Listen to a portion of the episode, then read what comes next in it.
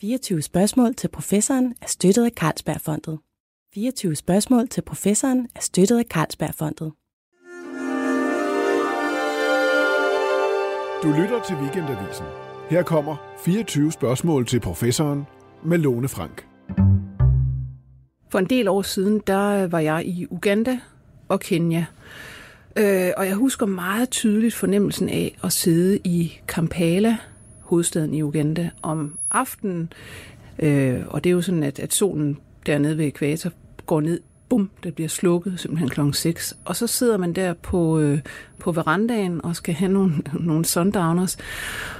Og så begynder stemningen at blive sådan lidt, øh, lidt nervøs, fordi alle de kan høre myg, og alle de tænker på, bærer de nu rundt på en malariaparasit, de her øh, myg, og får vi nu malaria, fordi der er jo masser af resistens over for behandling, og selvom vi har taget malariapiller, så det er jo ikke sikkert, det virker. Der var, sådan, der var altid sådan en stemning, kan jeg huske dernede, af uff, det der malaria, man, man kunne få. Øh, malaria er også en underlig sygdom på den måde, at den inficerer utrolig mange mennesker. Den slår utrolig mange mennesker ihjel hvert år. Og der er ikke rigtig nogen vaccine for skidtet. Og man har jo arbejdet meget, meget længe på at finde vacciner. Øh, jeg skal snakke med en absolut vaccineekspert i dag, som er på vej med en øh, meget ny type vaccine, som vi skal tale mere om, fordi den virker på en helt speciel måde. Og min gæst i dag, det er Michael Theisen. Velkommen til dig. Tak fordi jeg må komme. Jamen, det var så let. Du er seniorforsker ved Statens Serum Institut og arbejder med malaria, står simpelthen for malaria-vacciner derude. Og I skal i gang med en afprøvning af den her nye vaccine, som vi skal tale om. Men fortæl mig lige, har du også oplevet den der øh, fornemmelse af, åh oh, nej, der kan ske alt muligt med de her myg, der sviger omkring en, når du står nede og skal øh, hvad det hedder, afprøve vacciner i Afrika? Og det er jo lige præcis det, der kan ske. Så myggen er fuld af malaria, og hvis du ikke er beskyttet, så får du malaria, og så er du død inden for en måneds tid. Så det her, det her det er jo en virkelig alvorlig sygdom. Altså både for dem, der lever dernede, men også for os, der kommer øh, fra Norden eller kommer fra Europa, som jo er helt ubeskyttet, som ikke har nogen, nogen for, som helst form for immunitet. Så hvis du kommer derned, og hvis du ikke har taget dine tabletter, jamen så vil der ske det, at hvis øh, myggen er inficeret med malariaparasitten, så vil den blive overført til dig via den spyt. Den vil komme ind i din blodbane, og relativt hurtigt, så vil parasitten bevæge sig ned i din lever, hvor den vil være i en uge til to uger, afhængig af, hvilken af malaria-parasitterne der er. Når den så er i din lever, så har du ikke nogen symptomer, og du, mm. du føler dig rask, og du mærker ingenting. Du tror, du er undsluppet? Lige præcis, mm. og du kan nå at komme hjem, for eksempel, og tro, du er i sikkerhed. Ja. Men det er du ikke. Øh, så efter noget tid, så udvikler den sig i leveren, og så kommer den ud i din blodbane. Og man kan sige, at en parasit, der kommer ind fra myggen, den bliver til måske 50.000 parasitter, der kommer ud i dit blod. Hver af de her parasitter vil inficere et rødt blodlæme. Mm. Og der vil de være inde i i cirka 48 timer. Og når de så bryder ud, øh, så er der kommer der øh, 12, op mod 20 parasitter ud per, per det røde blodlæme. Og man kan også forestille sig, når, rigtig, når alle de her blod, røde blodlemmer sprænges, ikke? så får du feber, og det, det er jo rigtig, rigtig ubehageligt. Så hver af dem, der så er kommet ud af et rødt blodlæme, vil så inficere et nyt rødt blodlæme. Ja, det er en dejlig kædereaktion, der går i gang. Ja, ja, men det bliver videre, videre, videre. Ikke indtil måske af 1-5 procent af dine røde blodlemmer er inficeret. Og det er jo et voldsomt angreb øh, på dig som organisme, at så meget øh, er inficeret, og så meget øh, går i stykker. Mange af dem begynder også, mange af de her blodlægemer, der er inficeret, begynder jo også på grund af parasitten at, at klistre til væggene i, i, i blodårene. Lige præcis at komme op i de fine kapillærer. Og det er jo det, der er et stort problem for dig og mig. Fordi der vil de sætte sig fast op i, og så vil de give os hjernemalaria. Mm. Og hvis du først har fået med hjernemalaria, så kan det blive meget vanskeligt for, for selv hvis du er i Danmark, at redde dig. Ja. Altså det er, når du er inde i den fase der, jamen altså, hvad gør man så? Så er det jo ikke sikkert, at antibiotikabehandling hjælper, og blodtransfusion vil ikke hjælpe, og så, så er du rigtig ildestet. Ja. Og det er også, og så kan man sige, dem der bor dernede, ja. ikke, de har jo ikke samme øh, sundhedsforhold, som vi har her i Danmark. Så de må jo nærmest finde sig i det, ikke? Altså de, øh, de kan jo bo langt fra en klinik, Så hvis du bor i en landsby, jamen, så skal du måske bæres på ryggen af din far i, øh, på 10 km afstand, måske, ikke? Hmm. Før du kommer hen til et sted, hvor de kan behandle dig. Men hvor stor, lad os lige se, hvor stor en byrde er malaria faktisk for, øh, for verden? Altså jeg mener, der er jo øh, altså, der er flere hundrede millioner tilfælde, ikke? altså inficerede mennesker.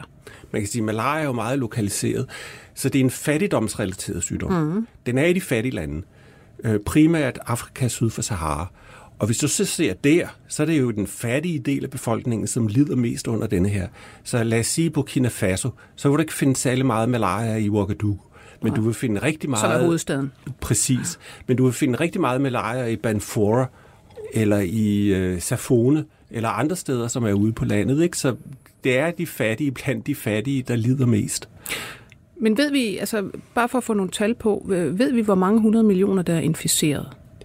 På verdensplan yeah. er det et par hundrede millioner. Yeah. Lidt over 200 millioner får sygdommen per år. Og så dør der vel 5 600 En cirka en halv million øh, ja. dør, og det er jo Hvert primært år. børn under 5 år. Så man kan sige, at det her det er en sygdom, der berører børn allermest. Mm. Vi er alle sammen smittet og bærer, men det er børnene primært, der dør. Og så er det så sådan nogen som dig og mig, der tager ned og er uforsigtige med vores øh, tabletter. Og sidder med vores sundowners. Lige præcis. Ja. Men som du siger, altså det, er, det er en fattigdomssygdom, og det er en, en kolossal byrde for de her lande. Fordi det er, jo, det, er jo også, det, er jo, det er jo mennesker, der ikke bare dem, der dør, men, men dem, der er inficeret og får det igen og igen, altså kan jo heller ikke øh, altså, arbejde, mens de har den her sygdom, og så videre, så videre. Det er jo ikke bare det. Altså, det sætter sig jo virkelig i en familie, når børnene dør. Mm. Ikke? Så, så øh, moren og faren, altså, de vil jo klart være påvirket, og søskende er påvirket. Så hvis du taler med en afrikaner, så vil der jo altid være en historie. Han har altid en historie om en, en af hans familiemedlemmer, mm. der er døde. Ja. Eller på en eller anden måde er påvirket af den her sygdom øh, livsvejet. Så, øh... altså det, det er faktisk svært at forestille os for os andre. Det, var, det ville være ligesom om, øh, at, at, hvad skal man sige, øh, forkølelse eller lad os sige influenza herhjemme slog en masse mennesker ihjel hvert år, og, og, og egentlig øh, altså, øh, var en kæmpe sundhedsbyrde også for dem, der gik rundt med dem hele tiden. Altså... Ja, det fylder simpelthen så meget i deres liv. Og jeg kan huske, at det var en gang, hvor min kone var indlagt øh, på Gentofte Hospital med en diskusprolaps. Og der er en af sygeplejerskerne, hun kom fra, jeg tror hun kom fra Ghana. Mm. Og hun fortalte, øh, altså der var man jo om aftenen og på alle mulige skæve tidspunkter, fordi ryggen der var led under det. Ikke? Og hun fortalte, at hun først kom til Danmark, så var hun forbavset over så mange sygdomme, som ikke var malaria. Hun troede jo egentlig, at man kun havde malaria. ja. og alle de andre Sygdommen. sygdomme, det var, det, var, det var nærmest fremmed for hende. Ikke? Mm. Og det er jo fordi, at den her sygdom, den dominerer så meget, mm. øh, der hvor hun kom fra. Og så tænkte hold da op. Ja. Alle mulige forskellige sygdomme, de har i det her land. Ja. Det kom bag på hende. Ja. Det, så fandt hun jo så ud af det. Men øh, lad os lige tage den her vaccine, som I faktisk står og skal til at afprøve i løbet af de næste par år. Mm øh, i blandt andet Burkina Faso, ikke? Ja. så vidt jeg ved. Ja. Øhm, det er en meget speciel vaccine, vil jeg sige. Altså, da jeg lige hørte om den, tænkte jeg, det var sgu da et interessant princip det her, fordi det er faktisk ikke en vaccine, der beskytter den, der bliver vaccineret mod malaria, men den kommer til at beskytte andre. Lige præcis. Forklar hvordan. Jamen det er jo fordi, vi har jo, vi har jo fejlet igen og igen og igen og igen i vores forsøg på at lave malaria-vacciner, og vi er jo ikke i nærheden af at have en vaccine, der er effektiv og kan leve op til europæisk standard og vores forventning om en vaccine. Vores forventning til en vaccine er jo, at når du bliver vaccineret, så får du ikke sygdommen. Og sådan noget har vi ikke. ikke? Og så har vi tænkt over, hvor pokker, hvad er det, der går galt? Ikke? Og så en ting, der i hvert fald, vi ved ikke præcis, hvad der går galt. Mange ting går galt. Men en ting, der falder i øjnene, det er jo, at under en malariainfektion i mennesket, har du milliarder af parasitter i dit blod. Det er den her kædereaktion fra Lige blodlæme til blodlæme derudad. Simpelthen ikke. Og man kan jo godt forestille sig, at det er svært at få slået alle de her milliarder af parasitter ihjel. Hvis en overlever, så har du stadigvæk blodsygdommen. Altså, det, det er ligesom dem alle sammen, der skal væk. Ja. Der må ikke være nogen tilbage. Mens inde i myggen, der er jo kun et par hundrede. Og der er sådan, at denne her parasit, hvis du, hvis du fjernede alle myg, kan man sige, så forsvandt malaria. Ja. Men det er svært. Og, men det vil sige, det er der så også andre, der faktisk arbejder på at, øh, at fjerne myggen ved at gøre den fuldstændig steril, men det er en helt anden ting. Og det har vi jo gjort i Europa. Ikke gjort ja. den steril, men fjernet myggen. Altså vi har også haft malaria i Europa, ikke? Jo. Så det havde vi jo under 2. verdenskrig, og det var et stort problem for de allierede øh, landgang på Sicilien, mm. egentlig. Øh, Og der har vi jo så fjernet myggen ved forskellige myggebekæmpelsesstrategier. Nå, men det vi vil, altså det er vanskeligere i dag, og det er ikke det, vi er ude i. Det vi forsøger, det er at slå parasitten ihjel, mens den er inde i myggen. Ja. Fordi det er sådan, at myggen får jo parasitten fra mig, hvis jeg er inficeret. Den suger, stikker det, og det er hundmyggen, skal vi sige. Hanmyggen gør altså ikke noget. Nej. Hundmyggen, den Ja. ja. suger blod. Ja, ja. Og den får så et par blodlægemer ud fra dig, som er inficeret. Ja. Så er den også inficeret fra nu af med parasitten. Simpelthen ikke. Altså, den har brug for mad. Den tager mit blod af dens mad. Og når den, tager, når den spiser, så får den øh, parasitterne med op i de røde blodlemmer.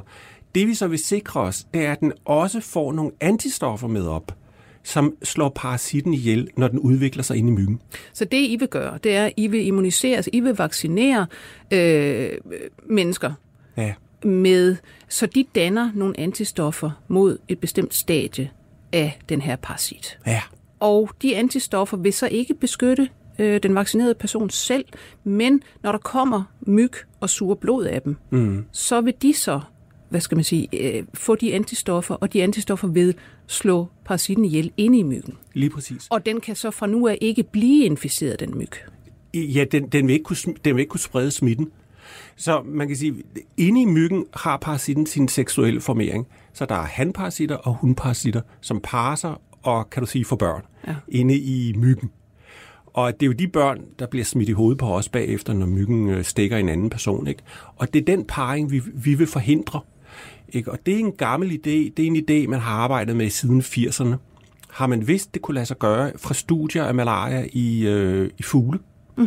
Og øh, man har så ikke vidst, øh, hvordan man skulle bruge det i et vaccin, vaccinationsøje med. Og, og det har simpelthen været svært, og, og det har vi været med til at løse. Så nu ved vi, hvordan kan vi lave en vaccine, som giver nogle antistoffer, som slår parasitten ihjel inde i myggen. Så vi har jo ikke prøvet det i mennesker, men vi har jo prøvet at immunisere rotter og øh, mus og kaniner og den slags. Og så har vi jo så vist, at hvis vi opsamler antistoffer fra de her dyr, så kan de her antistoffer slå parasitten ihjel, mens den udvikler sig inde i myggen. Så det her, vi har sådan et ret avanceret assay, som, hvor vi kan vise, at det Som kan er lade sig sådan gøre. en, en, en lille model, eller hvad skal man sige, en lille, ja, man gør det i et eller andet format. Man gør det i, mus, øh, i, i myg, som man dyrker i laboratoriet. Så så ret. Og så, så lader man de her myg suge på en blanding af parasitter, som er dyrket i laboratoriet, i blod i laboratoriet, og vores antistoffer. Og så lader man øh, lader parasitten udvikle sig ind i myggen, og så skærer man den op under et mikroskop, og så godt tæller man, øh, hvor mange parasitter, øh, der er inde i dens tarm. Og, og så for at få lidt statistisk signifikans på det her, så er man nødt til at gøre det på minimum 20 myg. Så det er værre pillearbejde. Ja, hold da op. Altså, det, det, ser også, det ser faktisk rigtig, rigtig morsomt ud, når man, når man ser billeder af øh, det her laboratorieopstilling, hvor der så er øh, blod, de her myg kan suge af. Det kommer ud af sådan en, en, en plade, man kan sige, der er hængt op. Og så hænger der nede under den her plade, man kan sige, den er måske lige så stor som en lille tallerken, så hænger der bare masser af myg ned under der og suger på den der plade. Og så skal I så hen og, øh, hvad det hedder, og dissekere de her myg bagefter. Ja, altså myggene hænger jo der, fordi de er sultne, og de skal mm. have noget at spise. Og, og det- ser lidt let ud, men det er faktisk ikke særlig let. Mm. Så det er svært at dyrke øh, myg i laboratoriet, og det er også svært at få dem til at spise. Aha. Og lige hvordan man gør det, ved jeg ikke. Så det er jo ikke en del, jeg, jeg er ikke en del af det der arbejde, men jeg ved, det kræver øh, ret meget træning og øvelse, og der er ikke mange steder i verden, de kan gøre det. Så de gør det rigtig godt i Holland, i Nijmegen, og så kan de gøre det på NIH i USA. Og det er, hvad jeg kender til. Som, mm. Ja, der er måske også noget Så i man London. udliciterer simpelthen sin, sin forsøg til sådan nogle steder der, hvor man kan få myggene til at spise. man samarbejder. Ja. Ja. Så man kan sige, øh, forskning, det er jo ikke så nationalt længere. Det er jo, altså hvis man skal gøre sig håb om at få nogle penge, mm. så er man nødt til at, at alliere sig med andre dygtige forskere med gode CV'er og noget, de kan. Altså, du skal jo kunne et eller andet. Mm. Så hvis der er en, der kan det, jamen så arbejder man sammen med ham, og så, så søger man en, no, nogle penge, og så får han nogle af pengene, og jeg får nogle af pengene. Og så, så Sig mig en gang, det. altså jeg kommer til at tænke på, hvorfor har Danmark egentlig, øh, hvad skal man sige, øh, top malariaforskning? Fordi vi har jo egentlig, hvis man, også hvis man går lidt tilbage i tiden, jeg kan huske for altså, øh, 20 år siden, der var jeg ikke journalist, men patentagent, så jeg sad og lavede patenter for forskere. Og der lavede jeg blandt andet patenter for en dansk forsker, der hed øh, Arsalan Karasmi, Nej. som arbejdede med likokalkoner. Ja. Nogle stoffer, som man håbede ville være den næste generation af malariamidler. Mm. Øh, og der var en stor malariaforskning. Det er der så stadigvæk. Altså, I er med helt i front. Hvorfor har Danmark malariaforskning? Hvordan er det øh, opstået? Jamen, der har jo været nogle ildsjæle, ikke? Så på Københavns Universitet eller på Rigshospitalet, der var der i Bygbjerg, mm-hmm. som var en ildsjæl og startede malariaforskning i Danmark. Og så har der været Søren Jebsen øh, på Statens Serum Institut. Så han er jo min gamle mentor. Det er læger, der har oplevet sygdommen, hvor alvorligt den er, da de arbejdede i Afrika. Mm. Så Søren var i Liberia. Mm. Ikke? Og han, han har jo behandlet, han har jo set, hvor stort et sundhedsproblem det er. Så startede de forskning op i Danmark. Men, men altså i Danmark har vi jo også en tradition for at bevæge, beskæftige os med sygdomme, som har en international betydning, og som ikke kun er problemer herhjemme. Så vi har jo en historie også inden for mm. tropesygdomme, og der er jo også andre tropesygdomme, vi har arbejdet med. Så vi siger, hvorfor gør vi det? Jamen, der er nogle ildsjæle, der har startet det, og så har vi jo været, så har vi jo været gode til at skaffe penge. Altså, så så ja. bliver det ved. Ja. Men det, det er bare interessant, ikke? Altså, man tænker, hvordan i alverden er det lige opstået? Men, men netop nogle personer, der har set det her, og sagt, det må, vi, det må vi gøre noget ved. Ja. Og så er man gået hjem, og så har man haft ekspertise til simpelthen at stille det, Ja, stille det så op. startede en forskningsgruppe op og startede en, øh, altså startede en- en kultur og startede, øh, så mange af os, der er i dag, ikke, vi, er jo, vi er jo trænet af de her oprindelige, ja. Kan man sige. Ikke? Og nu giver vi det så videre. Men du er så kommet ind i det i virkeligheden af, kan man sige, altså tilfælde. Ikke fordi du har været i Afrika, og, og dit hjerte er begyndt at bløde, øh, men, men fordi du simpelthen har mødt den her forskning. Altså, jeg er i det her, herhjemme. fordi mit, mit hjerte, kan du sige, banker for vaccineforskning. Ja.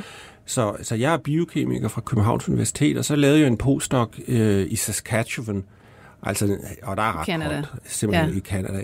Og der, der arbejdede jeg med forskellige veterinære øh, infektionssygdomme, hvor vi prøvede at lave vacciner, og jeg blev simpelthen grebet af det her med, at du kan vaccinere dig ud af et, øh, en infektionssygdom. Du kan forhindre det. Altså, det vidste jeg jo godt, ikke? Men derovre, der så jeg, hvordan gør man det i praksis. Mm. Og, og det, det var simpelthen bare spændende. Og så dukkede denne her mulighed op for at arbejde med malaria i Danmark. Ja. Og man kan sige, det er jo en sygdom, der har en stor betydning internationalt. Altså, det er jo et vigtigt sundhedsproblem. Så der er jo en god grund til at arbejde med det. Men lad os tage det her med vaccinerne, fordi det er jo interessant i sig selv. Altså, når vi som lægmænd siger vaccine, så tænker man sådan lidt, lidt løsligt, luftigt, hvad, ja, en vaccine, du får en sprøjte, sådan noget. Men der er jo altså, flere typer vacciner, og de virker jo altså øh, ret forskelligt. Og der er en lang historie omkring vacciner. Ja. Ikke? Altså, vi har jo vidst, øh, siden hvad, slutningen af 1700-tallet, begynder man jo at vaccinere imod kopper. Og det er jo Jenner, Simpelthen. god gamle. Ja, og det var, det var jo en super farlig sygdom. Og så udviklede man en vaccine imod denne her sygdom, og vi har, man har fået udryddet denne her sygdom. Mm. Ikke? Sådan så jeg er vaccineret imod kopper, men det er jo ikke sikkert, at du er vaccineret imod kopper. Men lad os tage den her, fordi det er en meget god øh, indgang. Altså Jenner og hans øh, øh, kopper og kokopper. Mm. Meget god indgang til at tale om, hvordan man egentlig laver vacciner, og hvad, hvad for nogle typer der er. Mm. Hvis du tager hans historie. Nå, men den der vaccine, det er jo sådan en levende, svækket vaccine. Øh, og re- relativt simpel vaccine at lave, ikke? Og så får man... Men det, man kan sige, altså, det er en meget sjov historie, den her med Jenner. Ikke? Altså, Ja. han, han går rundt, han er læge, han går rundt ude på landet, han lægger mærke til, der er jo, altså, øh, hans, øh, der, der hedder, øh, velhavende patienter dør som fluer af, af kopper, men øh, der er en hel masse mælkepiger, mm. der aldrig får kopper. Mm. Hvorfor gør de ikke det? Mm. Øh, og han begynder så at spekulere om, er det fordi, de er tæt på køerne, som jo også har kokopper. Mm. Øh, og så, så, ja, så laver han vel en præparation af, simpelthen skraber noget pus ud fra sådan nogle kokopper, ikke? Lige præcis. Og så tager han, han øh, vil jo ikke forsøge på en af, altså han forsøger på en, laver sit første forsøg på en eller anden stakkels lille dreng. Så vidt Var det ikke hans eget barn? Var det hans eget barn? Ja, det kan godt Jeg, være. jeg tror. Ja. Jeg er ikke I sikker. hvert fald en, en, øh, en lille dreng, der bliver den første i historien, der bliver vaccineret, Ja. før man har fundet på udtrykket vaccine. Men altså, han får sådan lidt pus fra det her øh, kokopper, formentlig ind i et sår eller sådan noget. Man skærer er vist blevet lidt, stukket, ikke? Ja, Ja. ja. lavet snittet i, i overfladen. Og så knupper man lidt af det her pus ind i. Og det har sikkert set rigtig ulækkert ud. Ja. hvor der både har været, der har været snask i og lidt, øh, ja. lidt hår fra kalven. Ja. Men altså, det virkede jo. Ja. Og jeg mener, og, og det forhindrede folk, i, det var jo en alvorlig sygdom, som mm. du kan dø af. Ja. Altså, der var jo rigtig mange dødsfald på grund af kopper, ja. ikke? Så det var jo et sundhedsproblem, alle forstod, det var rart at slippe af med. Og man kan sige, at, at den måde, den her vaccine virker på, det er så, at man har en, en, øh, en levende organisme. Altså, det er en mm. levende vaccine. Du tager simpelthen noget, nogle kokopper, mm. og de inficerer jo så normalt ikke mennesker, mm. men de immuniserer tilfældigvis mod vores koppesygdom, fordi at de ligner hinanden, de to. Men det, man bruger i levende vacciner, øh, det er vel i det hele taget altså svækkede organismer. Hvordan laver man sådan en, en levende vaccine normalt? Øhm, jamen, hvordan laver man... Åh, det er jo noget, jeg ikke har været rigtig med til, vel? Men, men altså, man kan jo dyrke den i øh, organismer, det, jeg tænker på, er sådan, ikke er vant altså, til at være i. Ja, altså meget overordnet, men man finder ud af en måde, man, man kan dyrke sådan en, en organisme. Mm. Øh, lad os sige, det var influenza. Eller, ja, altså man skal, have, man skal have en masse af den her organisme, ja. og så skal, så skal organismen, altså mikroben, svækkes på en eller anden måde. Det kan man vel gøre med altså bestråling eller på anden måde. Eller simpelthen bare holde den i et unaturligt miljø ja. i rigtig lang tid. Så hvis du tager en virus fra mennesker og dyrker den i hønseæg, og gør det over rigtig, rigtig mange generationer, så det, der har gjort den, har tilpasset sig til mennesker, det kan den jo miste, mm. fordi den nu øh, bliver dyrket i et miljø, der er uvandt for den. Så så taber den noget information. Ja. Ikke? Og jeg vil tro, det er sådan, tuberkulosevaccinen er blevet til i virkeligheden jo ikke. Ja. Så, så den er jo også taget fra køer, og så er den blevet dyrket øh, på agarplader. Mm. Og så har den mistet en, øh, en masse information, der gør, at den slår mennesker ihjel. Og ja, så, det er så, så har man en stamme, som ikke ja. længere er violent. Altså, den vil ikke sig sygdom, ja. men den har jo alle de dejlige proteiner og alt det, som, som immunsystemet skal angribe. Lige præcis, så den kan leve i os. Ja. Men den, gør, den slår os ikke ihjel. Og så vil immunsystemet reagere på den ved at lave antistoffer og T-celler og hvad immunsystemet nu ellers gør. Og så det, der så håbet på, eller det man så håber på, det er, at den så vil beskytte, når man møder den rigtige infektion. Ja. Og det, er jo, det gør gode vacciner jo så ikke, og det gjorde koppevaccinen. Så, så fik man denne her, som mindede om kopper, og når man så mødte kopper, øh, så blev man ikke syg, og man døde ikke af det. Nej. Og på den måde så blev kopper udryddet. Så det, så mig bekendt, så er det den eneste infektionssygdom, Nå, vi har fuldstændig udryddet. udryddet ja. Ja. Sådan som vi lod os vaccinere. Min mor tvang mig til at blive vaccineret. Mm. Sådan så øh, vores børn i dag ikke behøver at blive vaccineret. Fordi ja. den er der ikke. Nej. Med mindre at nogen, øh, som går ind et af de steder i USA eller Rusland, hvor man har øh, koppevirus ja. stadigvæk, ja får lavet et udbrud igen. Ja. Lad os håbe, at det ikke sker, håbe, ikke fordi så er, er, et eller andet sted. så er der altså rigtig mange, der vil gå til. Ikke? Øh, øhm, så er vi på herrens mark, fordi ja. vi har jo heller ikke vaccinen mere. Nej, det er det. Øh, men vacciner, der er nogle af dem, vi får, som er levende på den her måde. Svækket organisme, fint nok. Øh, så er der jo også en masse ikke-levende vacciner, ja. som bare består af typisk altså udvalgte dele en sygdomsorganisme, ikke? Hmm. som man så sprøjter ind. Hvad ja. er det for nogen for eksempel? Jamen der kan, hvis man finder øh, proteiner, og det er jo de moderne vacciner, der prøver vi at finde de proteiner, som er øh, hvor hvis vi rejser et immunsvar imod antistoffer eller T-celler imod de her proteiner, at det så er i stand til at slå bakterien eller virusen ihjel når den er inde i os simpelthen. Vi prøver, vi leder efter dens akilleshæl, så at sige. En ting, der er afgørende vigtigt for, at den kan overleve i os, og hvis vi kan ramme det, så forsvinder den. Mm. Det er vores håb. Og det er jo måske også derfor, at det kan jo være en af forklaringerne på, at vi ikke har været særlig gode til at lave en malaria-vaccine. Vi har simpelthen ikke været kloge nok til at finde ud af, hvad er det, vi skal ramme. Ja. Ikke? Jo. Inden for malaria har man også prøvet med øh, svækkede øh, hele organismer. Altså øh, den her Plasmodium falciparum. Man har taget sporulitter, altså det, det helt tidlige stadie, og så har man udsat dem for bestråling, og så kan, har man forsøgt at bruge dem som en vaccine med nogen held. Ja og man har forsøgt at udbrede det, men det ser ikke, så, det ser ikke særlig lovende ud. Men man ved, man ved vel ikke rigtigt, hvorfor, hvorfor er den her plasmodium så, så hvad skal man sige, svær at have med at gøre? Altså, men den må på en eller anden måde være indrettet på jo altså at, hvad skal man sige, gå under radaren. Og det gør den jo også, ikke? Ja. Altså, i og med, at den lever inde i de røde blodceller, øh, altså så skjuler den sig. Den skjuler sig enten i leveren eller i, i de røde blodlegemer, og den er jo ikke meget af sin levetid udenfor. Nej. Ikke? Så den har alle de her mange livsstadier. Så, så det er en af et problem med den. Så, så en anden ting, det er, at der er enormt mange øh, mutationer i den. Så hvis du, hvis du rammer et kritisk protein, men så kan man jo risikere, at der er mange varianter af det her protein. Sådan så det, der var i din vaccinestamme, mm. er ikke nødvendigvis det, der er i Uganda. Nej. Ikke? Så, så det kan være, at din vaccine virker i et forsøg her på Statens Serum Institut, men så vil den ikke virke, når den kommer ud i den virkelige verden, fordi parasitterne ser anderledes ud. Så det kan jo også være en forklaring. Men det lyder simpelthen som om, at de har øh, tilpasset sig på en eller anden måde, som jamen, vi har hele tiden et, et hurtigt våbenkapløb i gang. Vi muterer, vi gør alt muligt for, at man ikke kan få fat på os. Og selvfølgelig, fordi det er jo i mikroorganismens interesse at overleve inde i os. Ikke? Altså, vi er jo dens bolig, mm. ikke? Så, så den vil jo gøre hvad som helst for at, at, at leve derinde.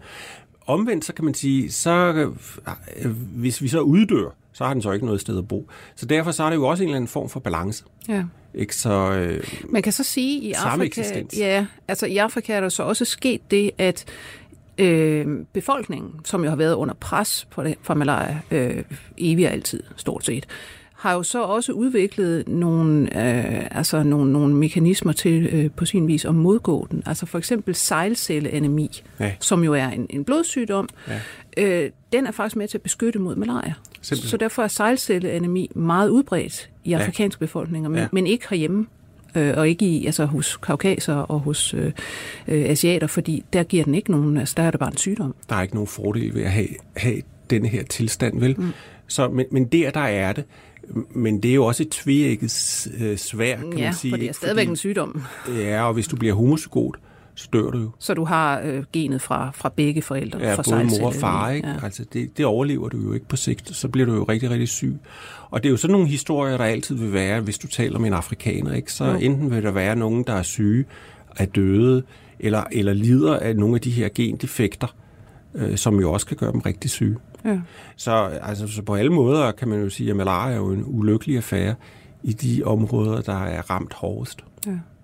Men lad os gå tilbage til, til jeres vaccine, mm. øh, som jo er, kan man sige, altså meget specielt igen. Det er en altruistisk vaccine. Ja. Altså du, du, du bliver vaccineret for at beskytte de andre. Ja. Det er, altså, jeg synes, det er et fantastisk princip. Altså, det, det er vel den første øh, altruistiske vaccine, man, man har så langt i udvikling. Og man skal jo, øh, ja, nu skal man passe på med at bruge ordet det første, fordi ja. det kan jo godt være, at der er nogle tilfælde, jeg ikke kender. Muligvis er der nogle veterinære vacciner, mm. der bygger lidt på samme princip. Det er jeg ikke helt sikker på, faktisk. Men, men inden for de humane sygdomme, så vil jeg tro, at det her vil være blandt det første. Og i hvert fald inden for malaria, der er jeg helt sikker på. Ikke? Der, så vi, vi arbejder sammen med nogen fra USA, en gruppe på NIH, som er lidt foran os, øh, som og nu har vi så øh, fået nogle penge til at afprøve vores vacciner. Så vi har tre forskellige vacciner, vi vil afprøve sådan i parallelt med hinanden, for at se, hvad der virker bedst. Og hvis muligvis, så kunne man også forestille sig, at de skulle blandes, ja. for at få en bedre effekt. Men tre forskellige, siger du, er de så rettet mod altså lige lidt forskellige steder på parasitten? Ja, øh, så vi, vi arbejder med et protein, som bliver udtrykt inde i, inde i myggen, som er PFS 4845, og de arbejder med et, der hedder PFS 230. Så det er proteiner, der er kritiske for øh, parasittens mulighed for at udvikle sig ind i myggen. Og det ved vi, fordi øh, at nogen har øh, lavet knockouts, har slået genet fra 48-45 ud, og en parasit, som ikke har det gen, kan ikke udvikle sig ind i myggen. Nej. Så, så den er steril. Det, øh, øh, så derfor så ved vi, at vores strategi i princippet burde virke. Så ja. hvis vi ved hjælp af antistoffer kan inaktivere det her protein, kan forhindre proteinet i at virke, så er vi ret sikre på, at det vil kunne virke. Og I ved, at I kan inaktivere det i myg? Ja, vi ved, at antistoffer kan inaktivere proteinet, så det ved vi fra laboratorieforsøg. Mm. Men du ved, sådan en ting er, hvad du kan gøre i laboratoriet. En anden ting er, hvad der så viser sig, når du, når du øh, vaccinerer rigtig mange mennesker. Ja. Så en ting, der er godt ved det her, det er jo, at de proteiner, som øh, kommer til udtryk i myggen, det er jo ikke nogen, som mennesket normalt ser. Nej. Og det vil jo sige, at de er jo ikke underkastet samme form for immunselektion, som andre proteiner er. Og det vil sige, at i de her proteiner ser vi ikke den grad af variation, som vi vil se i øh, immundominante proteiner, øh, som kommer til udtryk i mennesket. Og immundominante proteiner? Ja, men proteiner, som, som mennesker reagerer kraftigt imod ved at lave... Øh, så, så nogle proteiner, der kan du lave rigtig, rigtig meget antistof. Ja imod de her proteiner. Ikke? Det er, når, når de er inde i kroppen, så immunsystemet går berserk og laver antistoffer og T-celler imod det, og så, så til sidst kan du få rigtig meget ud af det. Ikke? Men de her proteiner, i og med, at de, ikke, de spiller ingen rolle i mennesket, Nej. de spiller en rolle i myggen, så derfor er de ikke underkastet samme form for immunselektion. Og, og du ser ikke lige så mange varianter. Øh, så den, den, vi bruger i vores øh, vaccinestamme, vil jo minde meget om dem, som også er derude. Ja, fordi man kan sige, proteinet her, som det handler om, det er så vigtigt for myggen, at den kan ikke bare mutere det. Ikke så vidt vi ved. Fordi altså igen, øh, den laver masser af mutationer mange forskellige steder hele tiden, og det kunne være måske i proteiner, der jamen, det sidder måske på overfladen af den eller et eller andet. Men et protein, der er super vigtigt for, hvordan den formerer sig, det kan den ikke bare mutere, fordi hvis det ikke rigtig virker, som det skal, ja, så, må, så kan den ikke formere sig. Der vil i hvert fald være kritiske domæner af proteinet, som er, som er helt essentielle, og som, den, som det ikke kan ændre på. Og man kan jo sige, at i det hele taget er det jo, øh, hvis vi snakker om vacciner og, og ramme, man skal altid netop ramme forskellige proteiner, som er del af øh, en eller anden mikroorganisme. Mm. Og det handler altid om at finde ud af, hvad for nogen kan organismen ikke bare lige lave om på. Lige præcis. Altså. Dens akilleshæl, så ja. sige. Ja. Så du, hvis du kan finde noget, der er rigtig konserveret, blandt alle de forskellige mange øh, parasitvarianter, som man kender, og samtidig er afgørende kritisk for parasittens evne til at leve, så er du da i hvert fald godt på vej. Mm. Og, mener, og sådan et protein har vi fundet ja. og arbejder med. Men, men hvor står I så nu? Altså, hvad skal I til at, at gøre? Jamen, nu, nu kæmper vi jo med at producere det. Ikke? Så nu har vi pengene, og vi ved, hvad det er, vi gerne vil lave. Så nu skal det laves, det skal produceres i et laboratorium, øh, på en sådan måde, at det kan blive sprøjtet i mennesker. Og det er jo en lang proces også, hvor der er en meget høj standard for produktion, fordi det skal jo gøres absolut sterilt. Mm. Det skal øh, karakteriseres. Man skal være sikker på, at hvis jeg laver det en gang, så kan jeg gentage produktionen. Øh, Lægemiddelstyrelsen stiller meget høje krav til ting, der skal sprøjtes i mennesker. Og når vi så har når det så er lykkedes os at lave det, så skal vi afprøve det i kaniner, mm. om, øh, om der er nogle bivirkninger bi, bivirkninger ved det.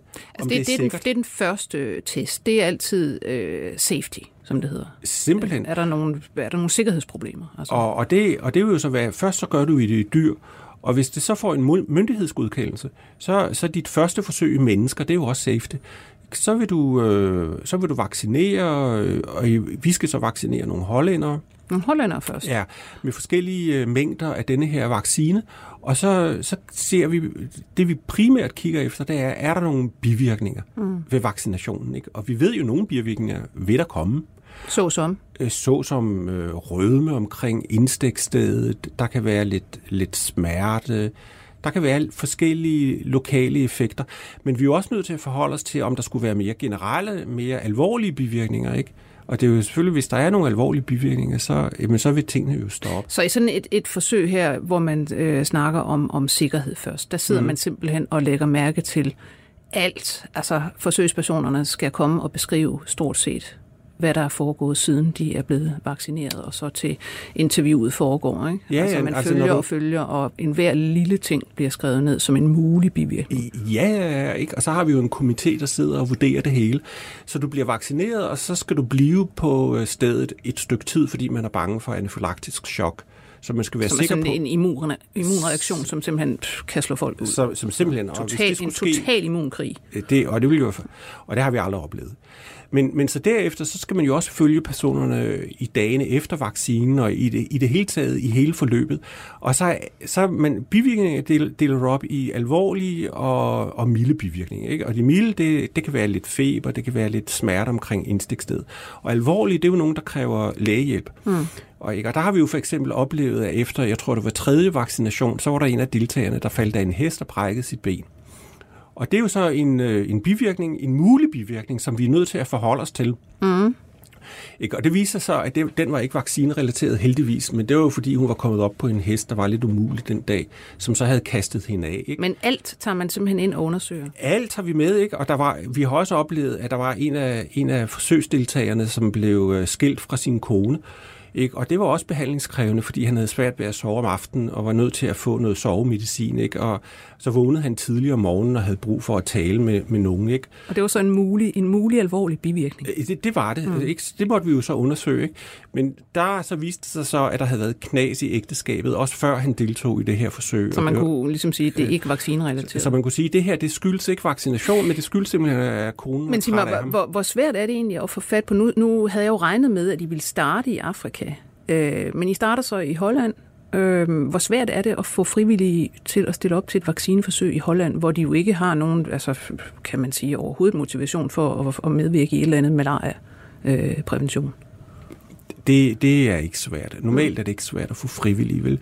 Fordi alle forstår jo, at malaria er en alvorlig sygdom. Mm. Og alle forstår jo, at hvis, hvis man er i gang med noget, der måske kan medvirke til at, at stoppe udbredelsen af malaria, så vil det jo være gavnligt.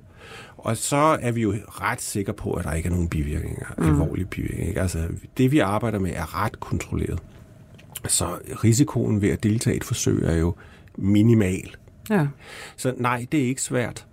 Det, det er heller ikke svært at finde øh, interesserede i Afrika. Nej, det skulle jeg nemlig lige til at spørge om, fordi hvordan ser situationen egentlig ud i Afrika? For jeg går ud fra, at ja, man kan sige, øh, der vil være en, en umiddelbar interesse for, at vi vil gerne gøre noget ved malaria, men der kan jo også være en masse mistænksomhed i forhold til, nu kommer der nogle øh, hvide læger et eller andet sted fra, og, og hvad er historien bag det her, og, og vil de tage nogle blodprøver fra os, og hvorfor skal de det, hvad skal de bruge dem til, og hvad sker der i det hele taget? Altså, hvordan er det at, at lave de her øh, forsøg i Afrika? Hvad, hvad, hvad gør man, og hvordan reagerer øh, befolkning og lokale læger og høvdinge osv.? Altså man skal jo sørge for at inddrage hele befolkningen, så man må jo forstå den struktur, der er i den befolkning, som man er inde i. Og det vi jo gør, er jo ofte i landsbyer. Det vil sige, man er jo først nødt til at tale med de ældste i landsbyen, mm. altså meningsdannerne. Ja. Og, og dem skal man overbevise om, at det her er en god idé. Og hvis de så siger ja, øh, så, så vil der være mulighed for, at, at resten også vil deltage. Men hvordan kommer man egentlig, altså hvem ankommer til sådan en, en landsby langt ude i Burkina Faso, det tidligere Øvre Volta, øh, som altid har været virkelig et, et udsted. Ikke? Øh, og hvor går man hen og banker på, og hvordan foregår det her overhovedet?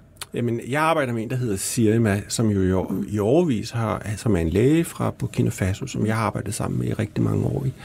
Så, så det vil jo være ham, der går ud og kontakter de ældste i landsbyen og forhører sig, er der interesse for det her. Mm. Og som også må forklare om forsøget. Og hvis han så kan få dem overbevist om, at det her det er en god idé, det er ham, der gør det. Ja. Det er ikke mig. Nej. Så det skal helst, altså det skal være en, en, en lokal? Det vil altid være en Man kommer ikke anstigende som Livingstone i dag? Nej, nej, nej. nej. Og typisk vil jeg slet ikke være med i de der indledende faser. Jeg vil måske komme ud til, til den første vaccination. Ja. Så i, til selve forsøget, der er jeg jo bare tilskuer, og jeg vil ikke spille nogen rolle i selve forsøget. Ja.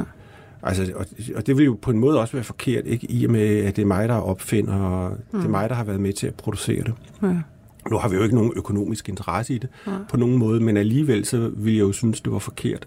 Så det er ikke os, der udfører forsøget, det er vores afrikanske samarbejdspartnere, der står for det. Men hvor svært har de generelt ved at overtale? Jeg tror ikke, de har svært ved det. Nej. Fordi de her befolkninger ved jo godt, at det her det er et problem. Mm. Denne her befolkning ville jo være utrolig glad, hvis der kom en vaccine, som forhindrede deres børn i at dø af malaria.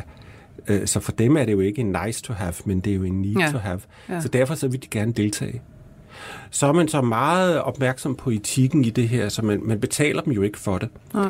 Så man vil jo typisk forsøge at give dem noget kompensation, som hvis de er nødt til at bruge en dag på klinikken, ikke, så vil man give dem i kompensation det, de så kunne måske have omsat på det marked. Man vil give dem nogle fødevarer, ja. typisk. Ikke? Ja. Men det er jo vigtigt, at de ikke gør det for penge, så det skal jo ikke være en indtægtsgivende virksomhed for dem at deltage. Så det er der meget opmærksomhed på. Hvor mange skal I egentlig have fat i til sådan et forsøg her? Jamen et fase 1-forsøg, det første forsøg, som kun er sikkerhed, det, der kan man jo måske klare sig med 100 ja. eller, eller mindre. Ikke? Og det vil jo være voksne. Ja. Men det er jo ikke kun voksne, der skal have vaccinen. Så, så denne her, den anden vaccine, som vi nu er færdige med, og som ikke virkede, GMC2, øh, den afprøvede vi jo 2.000 børn fra fire forskellige steder i Afrika. Og det var jo børn under fire år. Ja. Så, så, det, så for at finde ud af, om det virker, skal man jo vaccinere rigtig mange. Og det var jo en vaccine, vi håbede på ville beskytte den, der blev vaccineret.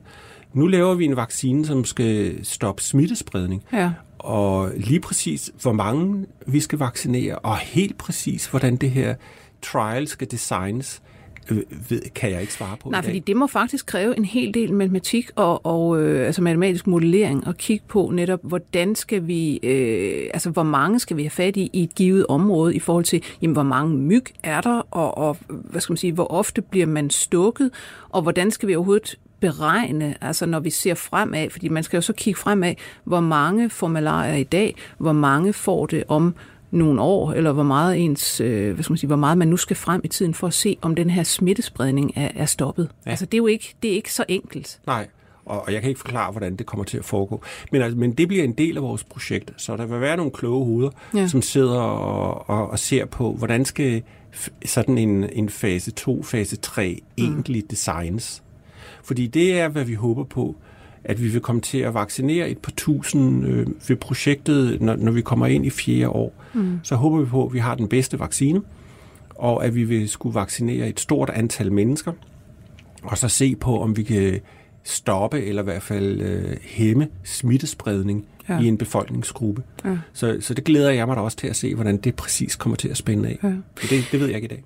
Øhm, noget andet, jeg kommer til at tænke på, øh, det er jo selvfølgelig et den vaccinemodstand, der er i vestlige lande, ja. og som sådan er altså ret generel. Der er selvfølgelig, man kan sige, der er nogen, der så har øh, her i landet for eksempel og andre steder fået en, en voldsom modvilje mod lige præcis HPV-vaccine, som nu igen, igen, igen, der er kommet en stor undersøgelse, som viser, den ser ikke ud til på nogen måde at give øh, bivirkninger, der svarer til det her med de syge piger, altså det her sådan kronisk træthedssyndrom aktiv man har set hos nogen.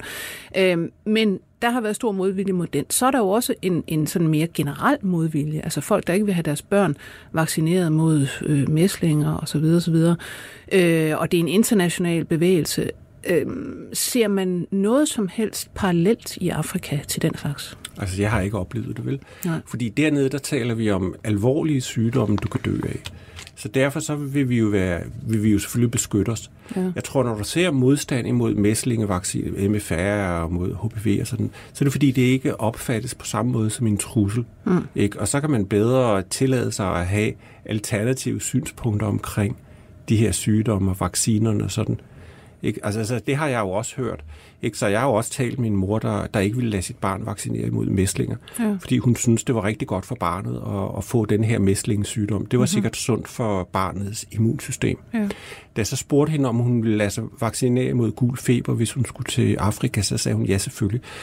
Ikke? Og, det er jo, og det er jo fordi gul feber, det, den er uhelbredelig, og der er en stor risiko for, at du dør af den. Men lige sjovt, øh, nu du nævner gul feber, fordi da jeg sad og læste lidt om vacciner her, altså gul febervaccination er jo en af dem, man faktisk har opdaget, godt kan have alvorlige bivirkninger, neurologiske bivirkninger og sådan noget.